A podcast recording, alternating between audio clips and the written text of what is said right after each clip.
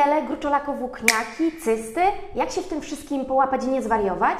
Kiedy zmiana łagodna staje się groźna i jak z nią postępować? O tym wszystkim porozmawiam z moim dzisiejszym gościem. Zostańcie z nami.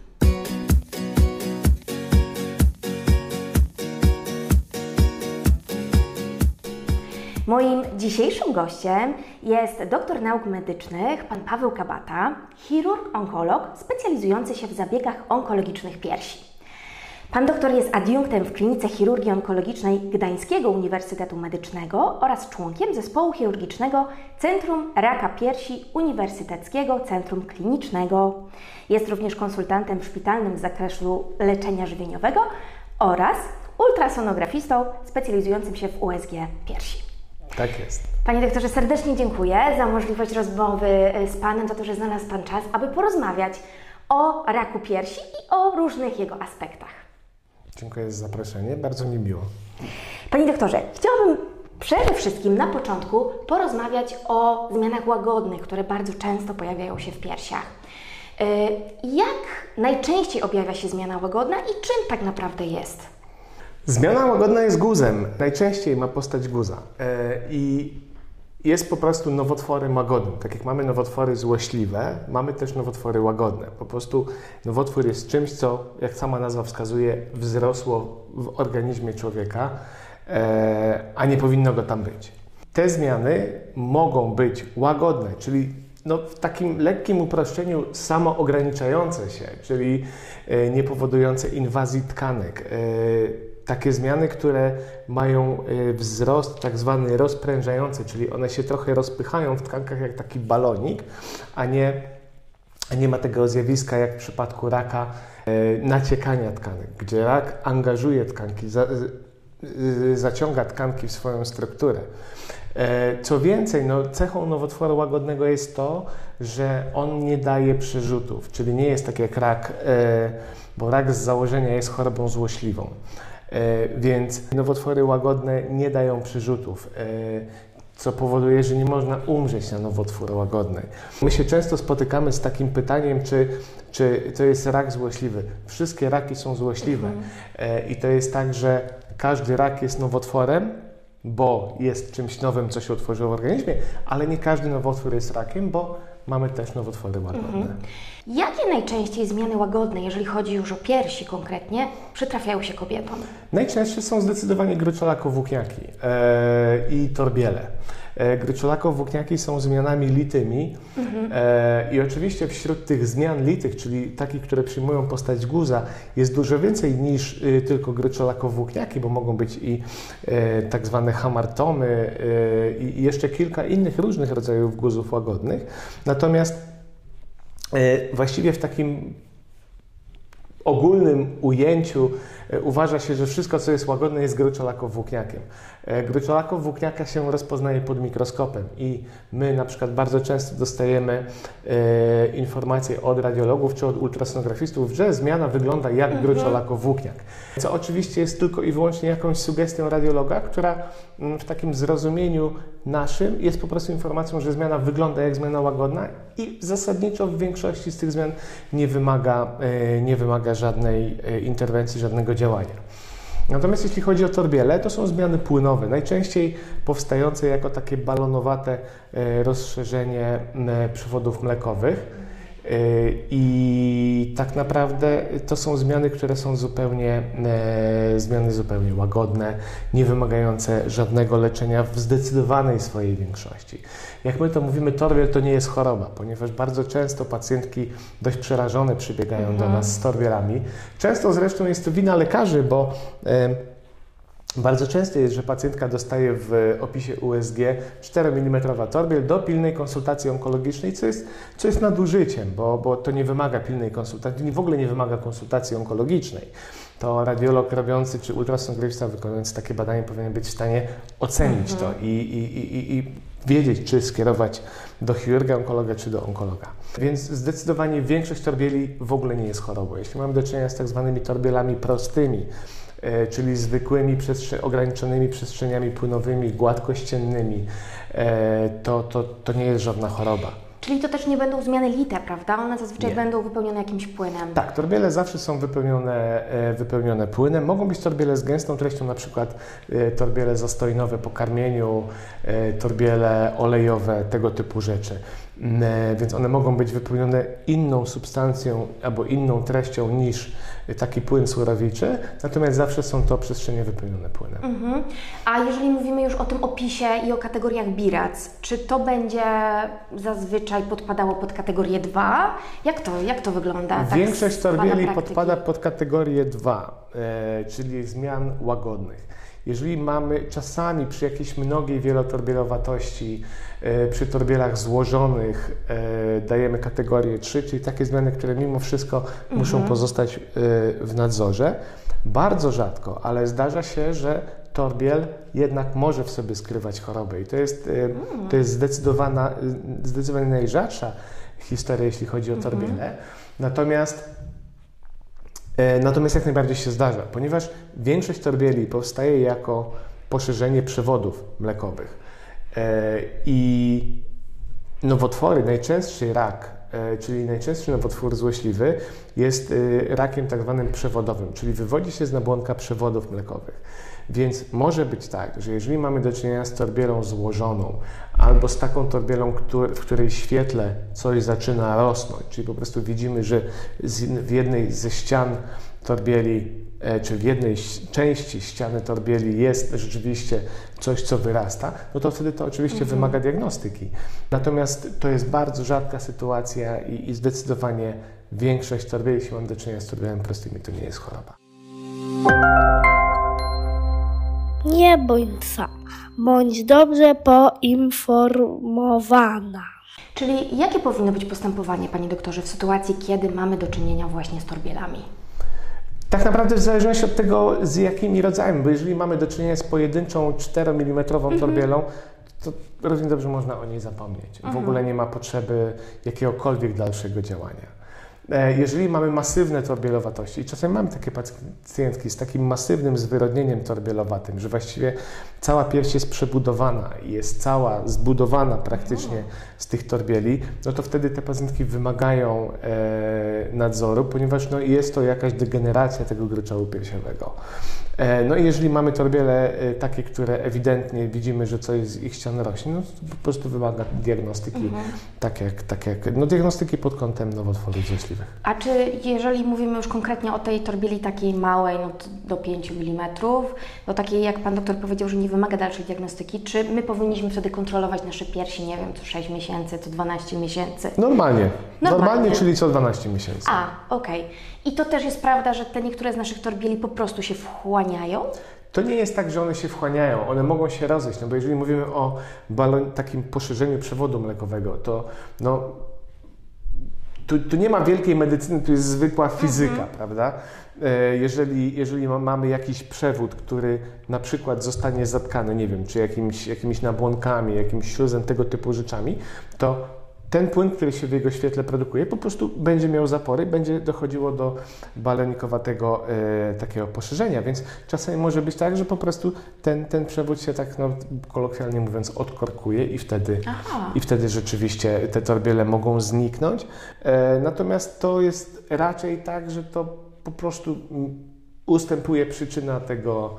Mm, Natomiast tak, to torbiele się zmieniają, mogą się zmniejszać, No mogą się zwiększać, mogą dobierać, więc tutaj torbiele różnej ewolucji mogą, e, mogą ulegać, ale sama zmiana ich wielkości i nawet my często mamy pacjentki, które mają na przykład, nie wiem, 5 centymetrową torbiel, czyli dużą, dużą torbiel, ale jeśli ma to, wygląda to jak torbiel prosta, czyli jest gładkościenna, bez żadnych jakichś wewnętrznych odbić, wypełniona płynem tylko, to, to właściwie jest to torbiel prosta, tyle że po prostu bardzo duża. Taka nasza uroda prosta. trochę, można by powiedzieć. To bardzo brzydko brzmi, ale tak, tak, ale tak, to, to taka uroda.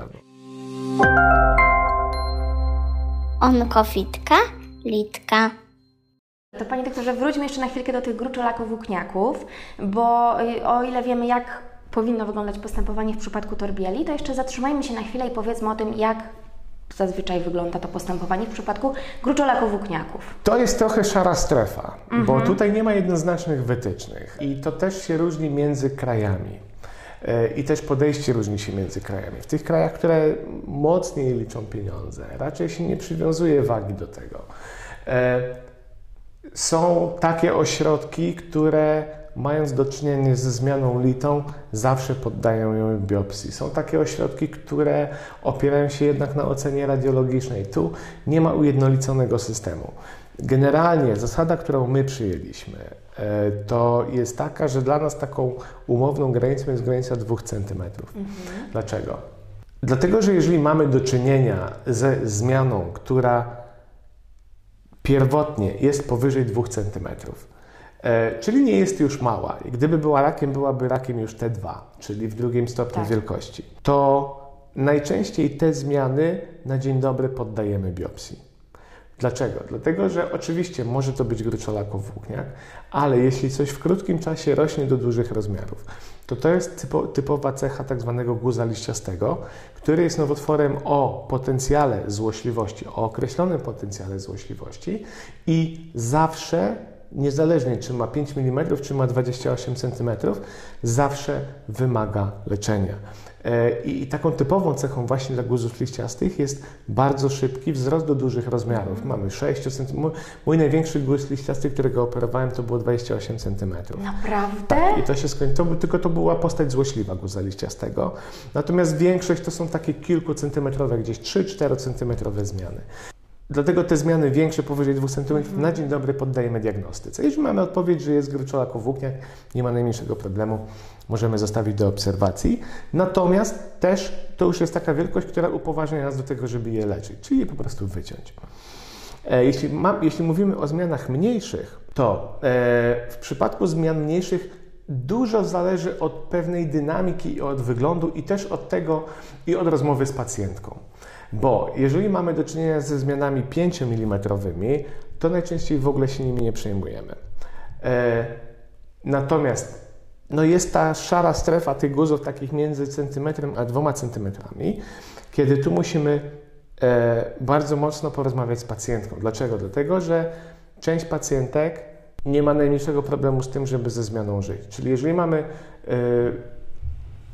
korzystny wynik USG, czyli jest zmiana lita rzeczywiście, ale jest nieduża, ma wszystkie cechy zmiany łagodnej i pacjentka akceptuje świadomość tego, że ta zmiana jest. e, i zgadza się na aktywną obserwację, to nie ma najmniejszego problemu, żebyśmy zrobili pacjentce USG za pół roku i mhm. zostawili. Natomiast jest część takich pacjentek, które absolutnie nie są w stanie żyć z taką myślą, mhm. że mają jakiegoś guza i, i, i, jeżeli te pacjentki mają co trzy miesiące biegać na badanie, nie spać po nocach, martwić cały czas się macać i szukać sobie choroby, to rzeczywiście rozsądnym wydaje się taką zmianę po prostu usunąć. E, I najczęściej e, my to wtedy wykonujemy drogą biopsji mammotomicznej, mhm. czyli e, drogą biopsji grubojgłowej wspomaganej próżnią, która jest taką obecnie metodą z wyboru do leczenia tego typu zmian. Więc tutaj bardzo dużo zależy też od dynamiki wzrostu, bo mamy, jeżeli na przykład przychodzi pacjentka na konsultację i ma powiedzmy jednego gruczolaka, który był, ja miałem kilka ostatnich takich pacjentek, gdzie miały jednego, jedną zmianę 4-centymetrową, ale obserwowaną od lat 6 czy 10. Szanse na to, że ta zmiana jest rakiem, są bardzo małe, no bo jeżeli, bo rak w obserwacji dziesięcioletniej na pewno tak. nie pozostanie bierny, nie pozostanie stabilny, więc wtedy szanse na to i my najczęściej odpuszczamy tym pacjentkom biopsję czy, czy jakąś tam y, leczenie, bo tutaj znowu musimy obejrzeć całość, e, całość tej historii.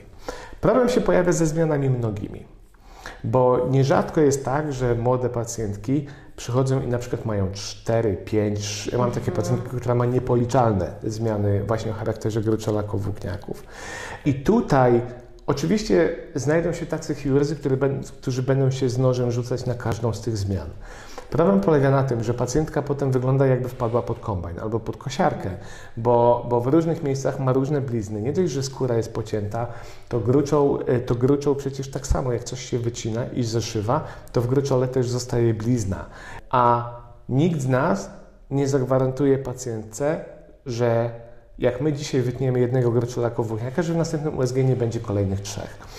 Więc przy takiej tendencji do gruczolakowłókniakowatości i gdy e, mamy do czynienia z mnogimi zmianami, to my jednak e, e, raczej stoimy na takim stanowisku, żeby to obserwować e, i reagować wtedy, kiedy dojdzie do zmiany któregoś z nich. Czyli na przykład mamy pięć gruczolaków włókniaków tam po 1,5 centymetra, czy powiedzmy w tym przedziale centymetr do 1,5 centymetra i nagle jeden w kontrolnym badaniu rośnie do trzech.